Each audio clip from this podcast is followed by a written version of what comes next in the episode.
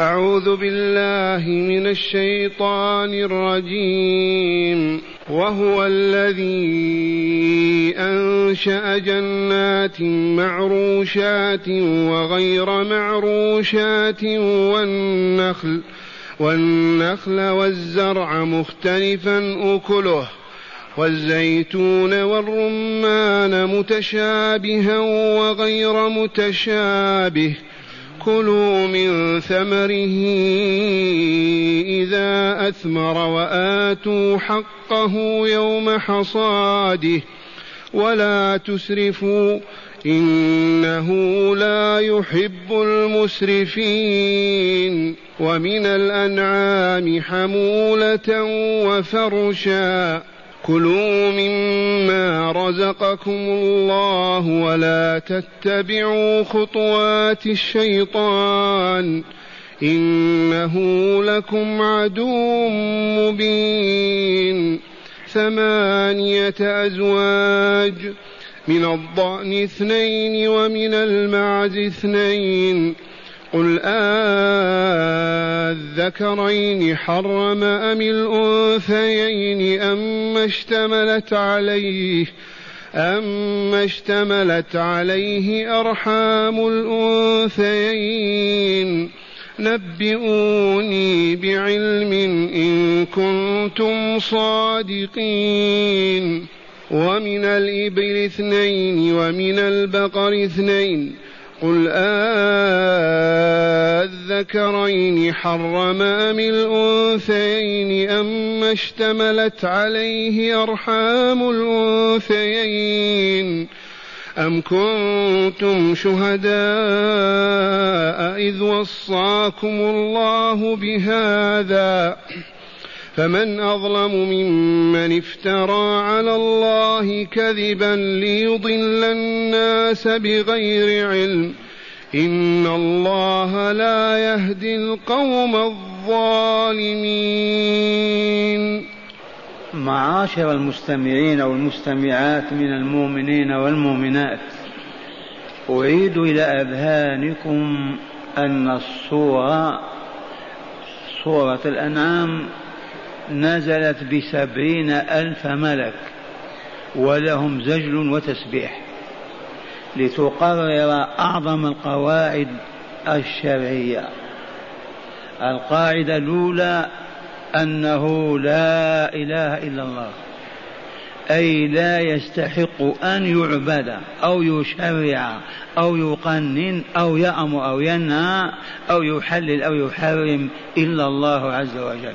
الخالق الرازق المبدئ المعيد المحيي المميت الذي لا رب غيره ولا إله سواه. ثانيا تقرير النبوة المحمدية وإثباتها. وكيف تنفى وهذا الكلام الإلهي ينزل عليه ويؤمر بإبلاغه والتحدث به؟ كيف لا يكون رسول الله؟ فلهذا التكذيب برسالته كفر. القول فيه بدون علم ظلم وعدوان. والآيات كلها شاهدة أنه رسول الله صلى الله عليه وسلم. ثالثا البعث الآخر والحياة الثانية التي أنكرها الملاحدة وكذب بها العلمانيون وسبقهم إلى ذلك المشركون والجاهلون. وما هذه الحياة إلا خطوة أولى فقط والحياة الباقية الخالدة الدائمة هي التي تأتي بعد هذه. الصورة تقرر هذه وتقرر أن الشرع ما شرع الله. الحلال ما أحل الله والحرام ما حرم الله. وها نحن مع قوله تعالى وهو الذي أنشأ جنات معروشات وغير معروشات هل هناك من أنشأ وأوجد هذه المزارع البساتين والنخيل؟ في من خلق وأوجد وأنشأ سوى الله هو لا غيره. جنات جمع جنة ومعروشات يوضع لها عريش كالعناب لتكون فوقه. وأخرى غير معروشة ما في حاجة إلى أن يوضع لها عرش وسرير توضع عليه. وأنشأ أيضا النخل والزرع والنخل الذي يلد التمر والرطب من أنشأه اللات العزى هبل الشيطان من؟ لا جواب إلا الله. والزرع على اختلافه من البر إلى الشعير إلى غير ذلك. والزرع مختلفا أكله أكله قراءتان سبعيتان الأكل والأكل كلاهما قراءة ثابتة. قرأ نافع الأكل وقرأ غير الأكل بضمتين. مختلفا أكله الشعير كالبر الذرة كالشعير مختلفا.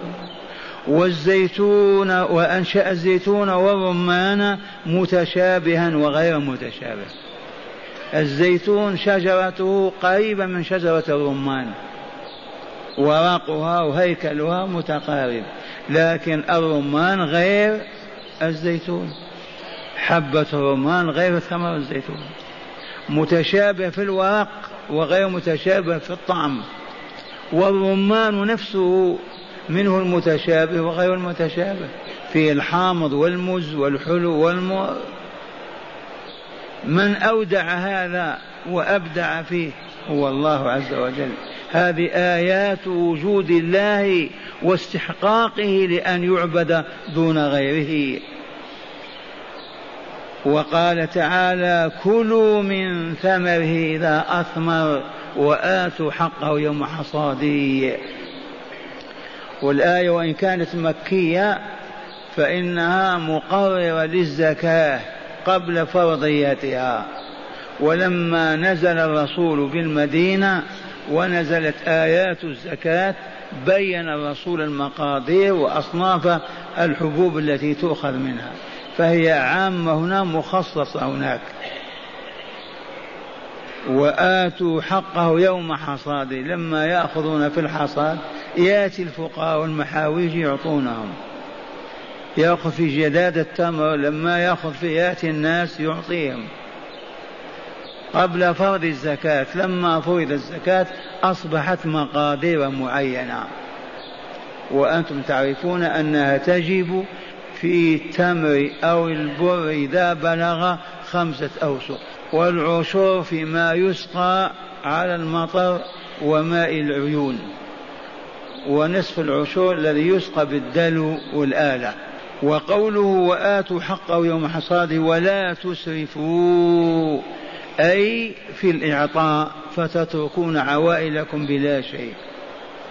يوجد بعض الكرام وبعض الأسخياء يأتي الفقراء يوزع عنهم كل ما حصده أو جده من التمر. فنهاهم عن هذا حتى لا تبقى الأسرة في حاجة متطلعة إلى غير وليها. تأديب رباني تربية إلهية مظاهر رحمة الله عز وجل بعباده وعدله. كلوا واشربوا ولا تسرفوا. الآية من سورة الأعراف كلوا واشربوا ولا تسرفوا. إن الله لا يحب المسرفين فلا تقدموا على هذا.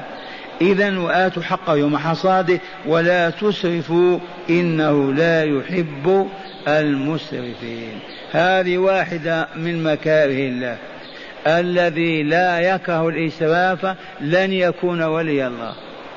لماذا؟ أما قال لا يحب المسرفين فالذي يحب الإسراف والمسرفين والله ما هو لله بولي لأنه عاكسه خالفه أحب ما يكره الله عز وجل. والإسراف عام في كل ما تجاوزت به الحد حتى في الأكل. يجب أن لا تأكل فوق المطلوب حتى في الشرب. يجب أن تشرب إلى حدود ما تدفع العطش. أما الزيادة كلها ممنوعة. ولماذا؟ لما فيها والله من الضرر والعواقب السيئة حالا ومآلا لأن هذا تشريع رب رحيم بعباده. ثم قال تعالى ومن الأنعام أي وأنشأ وخلق وأوجد من الأنعام وهي كما علمتم الإبل والبقر والغنم. ومن الأنعام حمولة وفرشا الحمولة الكبيرة التي يحمل عليها ويركب عليها والفرش الصغار التي كمفروشة في الأرض. الفرش صغار الأنعام يقال فيها فرش أي كالفراش لاصقة بالأرض والحمولة الكبيرة التي يحمل عليها. وهذه لغتهم وهم أعرف بها. حمولة وفرشا. أي وأنشأ من الأنعام حمولة وفرشا. إذا كلوا مما رزقكم الله. آذن لنا أن نأكل من الإبل والبقر والغنم ونأكل من الزيتون والتمر والحبوب وكل ما يحصل. آذن لنا له الحق في أن يأذن ولا لا؟ أليس ملكه؟ أليس هو الخالق له؟ فالحمد لله على أن أذن. قال كلوا مما رزقكم الله ولا تتبعوا خطوات الشيطان. الشيطان يدعو إلى الإسراف. خطواته التي يخطوها إذا مشيت وراءه والله لن ينتهي بك إلا إلى الإلحاد. يوسوس ويدعو فإذا استجبت يمشي بك من معصية إلى معصية من إثم إلى إثم حتى يمسخ الإنسان ويصبح شيطان. للشيطان خطوات ولا يقود المرأة خطوة بعد خطوة. أولا يحمل على أن يفتح عينه في امرأة ثم يزين له حسنها ثم يفكر في دفعه إليها ثم يقوده إلى الفاحشة أما إذا لعنه وطرده من أول خطوة أعوذ بالله من الشيطان الرجيم سد الطريق وانقطع. أما إذا مشى وابتسامة فقط نظرة فابتسامة فسلام فكلام فموعد فلقاء كما قال الشاعر. نظرة فابتسامة فسلام فكلام فموعد فلقاء. وقع الزنا. وهكذا لو نتتبع الذنوب والآثام والمعاصي لابد نجد أن الشيطان هو الذي زينها والذين وقعوا فيها انقادوا له ومشوا وراءه. حتى انتهى بهم إلى أكل الربا والزنا وشرب الخمر وكل المفاسد والذنوب والآثام.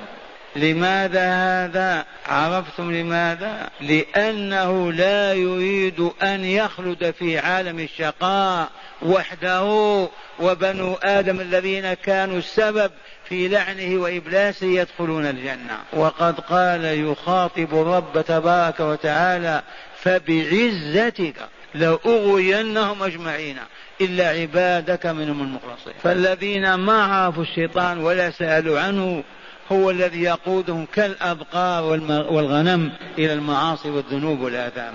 إذا حصل في نفسك حاصل خاطر سيء إلعن الشيطان وتبرأ منه. وقل آمنت بالله آمنت بالله تسلم. ولا تتبعوا خطوات الشيطان. لماذا يا ربي؟ إنه لكم عدو مبين. جملة تعليلية. عدو إلا لا؟ هل العدو يحب لعدوه الخير؟ يحب له أن يكمل ويسعد؟ لا والله مشاهدة حتى في العداء بين البشر. وعدو وعداوته بينة واضحة لا شك فيها ولا جدال لأنه يحمل على الزنا وقتل الناس والظلم والغيبة والشر والفساد يلطخ البشرية. هذه هي مهمته.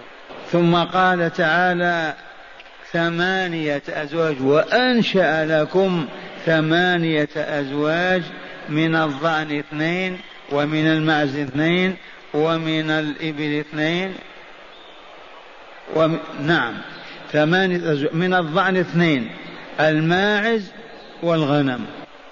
الظأن الأزواج ثمانية. كذا ولا لا؟ من الظأن اثنين أي ذكر وأنثى كبش ونعجة. ومن المعز اثنين تيس وعنزة. كذا ولا لا؟ ثمانية أزواج. من الضأن اثنين ومن المعز اثنين. الضأن كما قلنا الكبش والنعجة. والمعز اثنين التيس والعنزة. كذا ولا لا؟ ثم قال تعالى لرسوله صلى الله عليه وسلم وهو يعلمه الحجاج والجدال مع هؤلاء الطائعين الطائشين. قل الذكرين حرم أم الأنثيين؟ يسألهم تبكيتا لهم. هم الذين حرموا السوائب والحامات وكذا ولا لا؟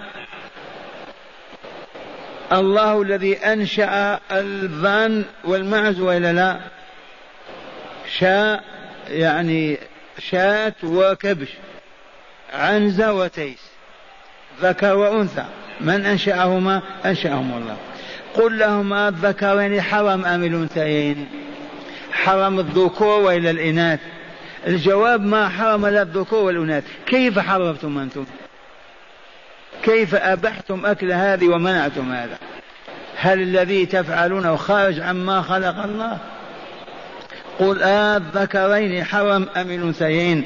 أما اشتملت عليه أرحام الأنثيين الشاة والعنزة. الرحم اشتملت على جدي وعلى خروف ولا لا. هل الله حرم الذي في العنز والضان أو ماذا؟ لماذا أنتم تحرمون هذا وتقولون إن كان آه، أنثى أو ذكر لذكورنا وإن كان ميتا لإناثنا؟ هو تقدم ذاك الإبداع عندهم ولا لا؟ حللوا وحرموا وأبدعوا ما شاءوا. فأمر الله رسوله أن يحاجهم. بالمنطق الذي ما يمكن أن يجدوا منفذ منه. ومن الإبل اثنين ومن البقر اثنين. الإبل الجمل والناقة والبقرة البقرة والثور ذكر وأنثى. ومن الإبل اثنين ومن البقرة اثنين قل لهم الذكرين حرم أم الأنثيين؟ حرم الذكور والإناث لا هذا ولا ذاك. كيف تحرمون أنتم؟ من أين لكم؟ أما اشتملت على أرحام الأنثيين من ابن الناقة وابن البقرة. الذي اشتمت على أرحام الأنثيين. من أحل من حرم؟ كيف تحرمون وتحللون؟ الله حرم وحلل؟ عندكم في ذلك دليل أو برهان أم كنتم شهداء إذ وصاكم الله بهذا؟ كنتم حاضرين لما خلق الله الخلق؟ تبات وأعلمكم أن هذا حلال وهذا حرام. وأشهدكم. فأنتم الآن تؤدون الشهادة. فتحرمون وتحللون. هذا كله تبكيت لهم وذم وقهر لهم بالحجج المنطقية. أم كنتم شهداء إذ وصاكم الله بهذا؟ في أي كتاب؟ مع أي نبي؟ مع أي رسول؟ ثم قال تعالى فمن أظلم ممن افترى على الله كذبا. هل يوجد أظلم من هذا؟ فمن أظلم ممن افترى الله كذبا وأنتم مفترون كاذبون إذ تحللون وتحرمون وتبيحون وتمنعون تشريعا والله بريء منه. إذا تكذبون على الله؟ من أحل شيئا حرام أو حرم حلالا كذب على الله لأنه ادعى أن الله حرم هذا أو حل هذا. فمن أظلم ممن افترى على الله كذبا ليضل الناس بغير علم. الذين يحللون ويحرمون رؤساء مسؤولون يمشي الناس وراءهم مشايخ كذا لأجل ماذا؟ لإضلال الناس. ليضل الناس عن طريق الهدى والخير والنجاح بغير علم. فالذين يفتون بدون علم يحللون يحرمون يبيحون يمنعون بدون علم ظلموا وهم ظلم. فلا يحل لإنسان أبدا أن يشرع أو يقنن أو يحلل أو يحرم إذ هذا حق الله عز وجل. ثم ختم الآية بقول إن الله لا يهدي القوم الظالمين. القوم الظالمين من هم الظالمون؟ الذين عبدوا غير الله صرفوا العبادة لغير الله وإلا لا. الذين حللوا للناس ما حرم عليهم ربهم أو حرموا عليهم ما حلم ظلموا وإلا لا. وهكذا من وضع شيئا في غير موضعه فقد ظلم. الظلم وضع الشيء في غير موضعه. هذه الآيات اسمعوها من الشرح. يقول المؤلف غفر الله له ولكم ورحمه وإياكم وسائر المؤمنين. معنى الآيات لما توعد الحق تبارك وتعالى المفترين عليه حيث حرموا وحللوا ما شاءوا ونسبوا ذلك إليه افتراء عليه تعالى. وما فعلوه ذلك إلا لجهلهم بالله تعالى وعدم معرفتهم بعلمه وقدرته وإلا لما اتخذوا له أندادا من الأحجار وقالوا شركاؤنا وشفعاؤنا عند الله. ذكر تعالى في هذه الآيات الأربع مظاهر قدرته وعلمه وحكمته وأمره ونهيه وحجاجه في إبطال تحريم المشركين ما أحل الله لعباده. فقال تعالى وهو الذي أنشأ جنات أي بساتين وحدائق من العنب معروشات أي محمول شجرها على العري على العروش التي توضع للعنب ليرتفع فوقها. وغير معروشات أي غير معروش معروش لها. وأنشأ النخل والزرع مختلفا ثمره وطعمه. وأنشأ الزيتون والرمان متشابها في في الورق. في الورق وغير متشابه في الورق وغير متشابه في في الحب والطعم أيضا. وأذن تعالى في أكله وأباحه وهو مالكه وخالقه. فقال كلوا من ثمره أي كلوا من ثمره إذا أثمر أي إذا نضج بعض النضج. وأمر بإخراج الواجب فيه وهو الزكاة. فقال وآتوا حقه يوم حصاده. أي بعد درسه وتصفيته إذ لا يعطى السنبل ونهى عن الإسراف وهم ونهى عن الإسراف وهو تجاوز الحد في إخراج الزكاة غلوا حتى لا يبقى لمن يعولون ما يكفيهم. فقال تعالى ولا تسرفوا إنه لا يحب المسرفين. وأنشأ من الأنعام الإبل والبقر والغنم حمولة وهي ما يحمل عليها لكبرها وفرشا وهي الصغار التي لا يحمل عليها. وآذن مرة أخرى في الأكل كما مما رزقهم سبحانه وتعالى من الحبوب والثمار واللحوم وشرب الألبان. فقال كلوا مما رزقكم الله. ونهى عن اتباع مسالك الشيطان في تحريم ما أحل الله وتحليل ما حرم تعالى. فقال ولا تتبعوا خطوات الشيطان.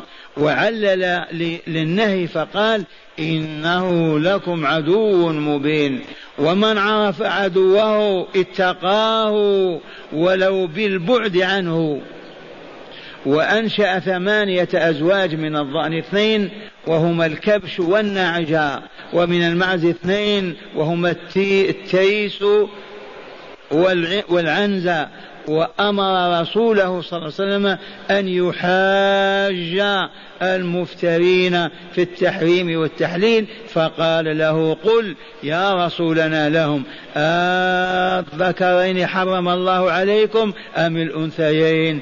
أم اشتملت على أرحام الأنثيين؟ أي النعج والعنزة. نبئوني بعلم إن كنتم صادقين في دعواكم تحللون وتحرمون. نبئوني بعلم إن كنتم صادقين فإن قلتم حرم الذكرين فلازم ذلك جميع الذكور حرام. وإن قلتم حرم الأنثيين فلازم أن جميع الإناث حرام. وإن قلتم حرم ما اشتمت على أرحام الأنثيين فكل ما ولد منهما حرام ذكر كان أنثى. فكيف إذا حرمتم البعض وحللتم البعض؟ فأي علم فبأي علم أخذتم نبئوني به إن كنتم صادقين. وقوله تعالى ومن الإبل اثنين وهما الناقة والجمل ومن البقر اثنين وهما الثور والبقرة. قل الذكرين حرم أي لا أم الأنثيين؟ أم اشتملت على أرحام الأنثيين؟ فهل حرم الذكرين أو الأنثيين؟ هذه الأزواج الأربعة فإن حرم الذكرين فسائر الذكور محرمة وإن حرم الأنثيين فسائر الإناث محرمة. أما اشتملت عليه أرحام الأنثيين وحينئذ يكون كل مولود منهما محرما ذكرا كان أو أنثى. وبهذا تبين أنكم كاذبون. كاذبون على الله مفترون. فالله تعالى لم يحرم من هذه الأزواج الثمانية شيئا وإنما حرم الميت وما لم يذكر عليه اسم الله. وقوله تعالى أم كنتم شهداء إذ وصاكم الله بهذا التحريم؟ فهو تبكيت لهم وتقريع إذ لم يحرم الله تعالى هذا الذي حرموه. ولم يوصهم بذلك ولم يكونوا حال الوصية حضورا وإنما هو الافتراء والكذب على الله تعالى. وأخيرا سجل عليهم أنهم كذب ظالمون مضلون لغيرهم بغير علم وأنهم لا يستحقون الهداية. فقال عز وجل فمن أظلم ممن افترى على الله كذبا ليضل الناس بغير علم. إن الله لا يهدي القوم الظالمين. عسى المستمعون فهموا هذا الكلام. والآن هيا نستنبط الهدايات القرآنية. كل آية لها هداية ولا لا؟ قطعا. أولا إباحة أكل التمر والعنب والرمان والزيتون.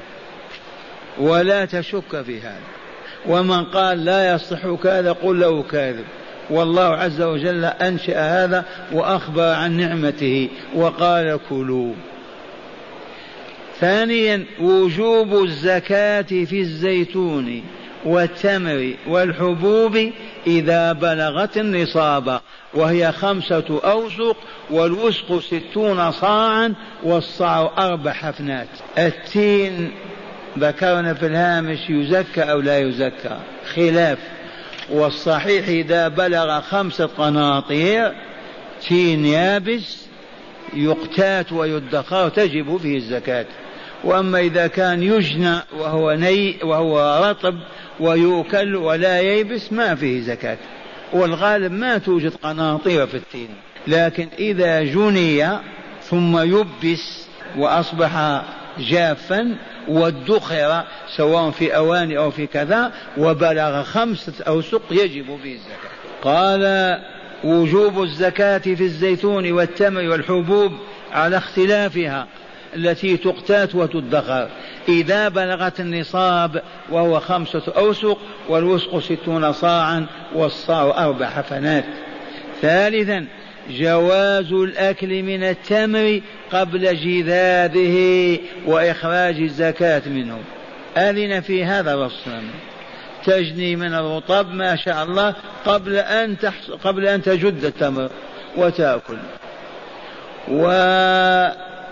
وأذن الرسول أيضا في الخرص لما يحمر التمر يأتي الخراس من قبل الحكومة ويقدر كم قنطار وبعد ذلك كل أنت ما شئت. لكن قبل ما يأتي الخارس هذا يجوز لأهل البستان أن يجنوا ويأكلوا. جواز الأكل من التمر قبل جذاذه وإخراج الزكاة منه. رابعا حرمة الإسراف في المال. بأن ينفقه فيما لا يعني.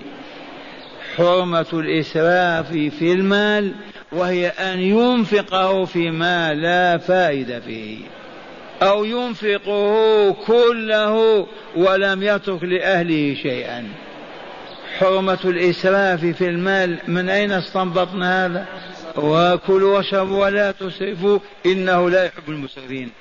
خامسا إباحة أكل بهيمة الأنعام وهي ثمانية أزواج ضأن ومعز وإبل وبقر وكلها ذكر وأنثى. اذبح وكل ما في حمار ولا بغل ولا فرس.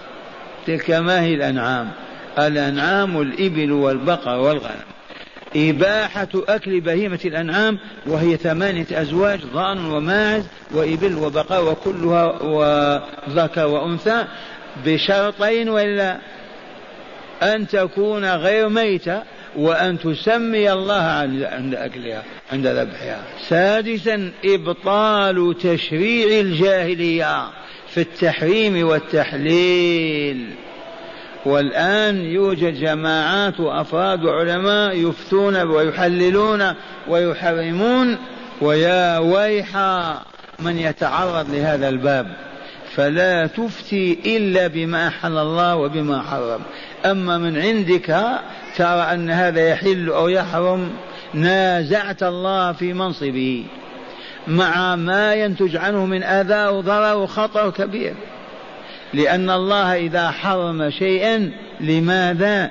لأنه والله لضار بعباده. وإذا أحل شيئا والله لنافع لعباده. لأنه خالق وخالق العباد. يعلم ما يضر وما ينفع قبل أن يوجده. وأنت أيها الإنسان ماذا تعلم؟ فما عليك إلا أن تتعلم من ربك ونبيك صلى الله عليه وسلم. إبطال تشريع الجاهلية في التحريم والتحليل فالحلال ما أحله الله ورسوله صلى الله عليه وسلم والحرام ما حرمه الله ورسوله صلى الله عليه وسلم. سابعا جواز الجدال والحجاج لإحقاق الحق وإبطال الباطل. يجوز الجدال والحجاج والمحاجة. لكن من أجل ماذا؟ من أجل إحقاق الحق وإبطال الباطل. أراد أحد أن يبطل الحق جادله ليحق الحق. أراد أن يرفع الباطل الحق جادله لإبطاله. جواز الجدال من أين أخذنا هذا؟ قل الذكرين حرم من الأنثيين. جادلهم ثامنا لا أظلم. أي لا أحد أظلم ممن يكذب على الله تعالى فيشرع لعباده ما لم يشرع الله لهم.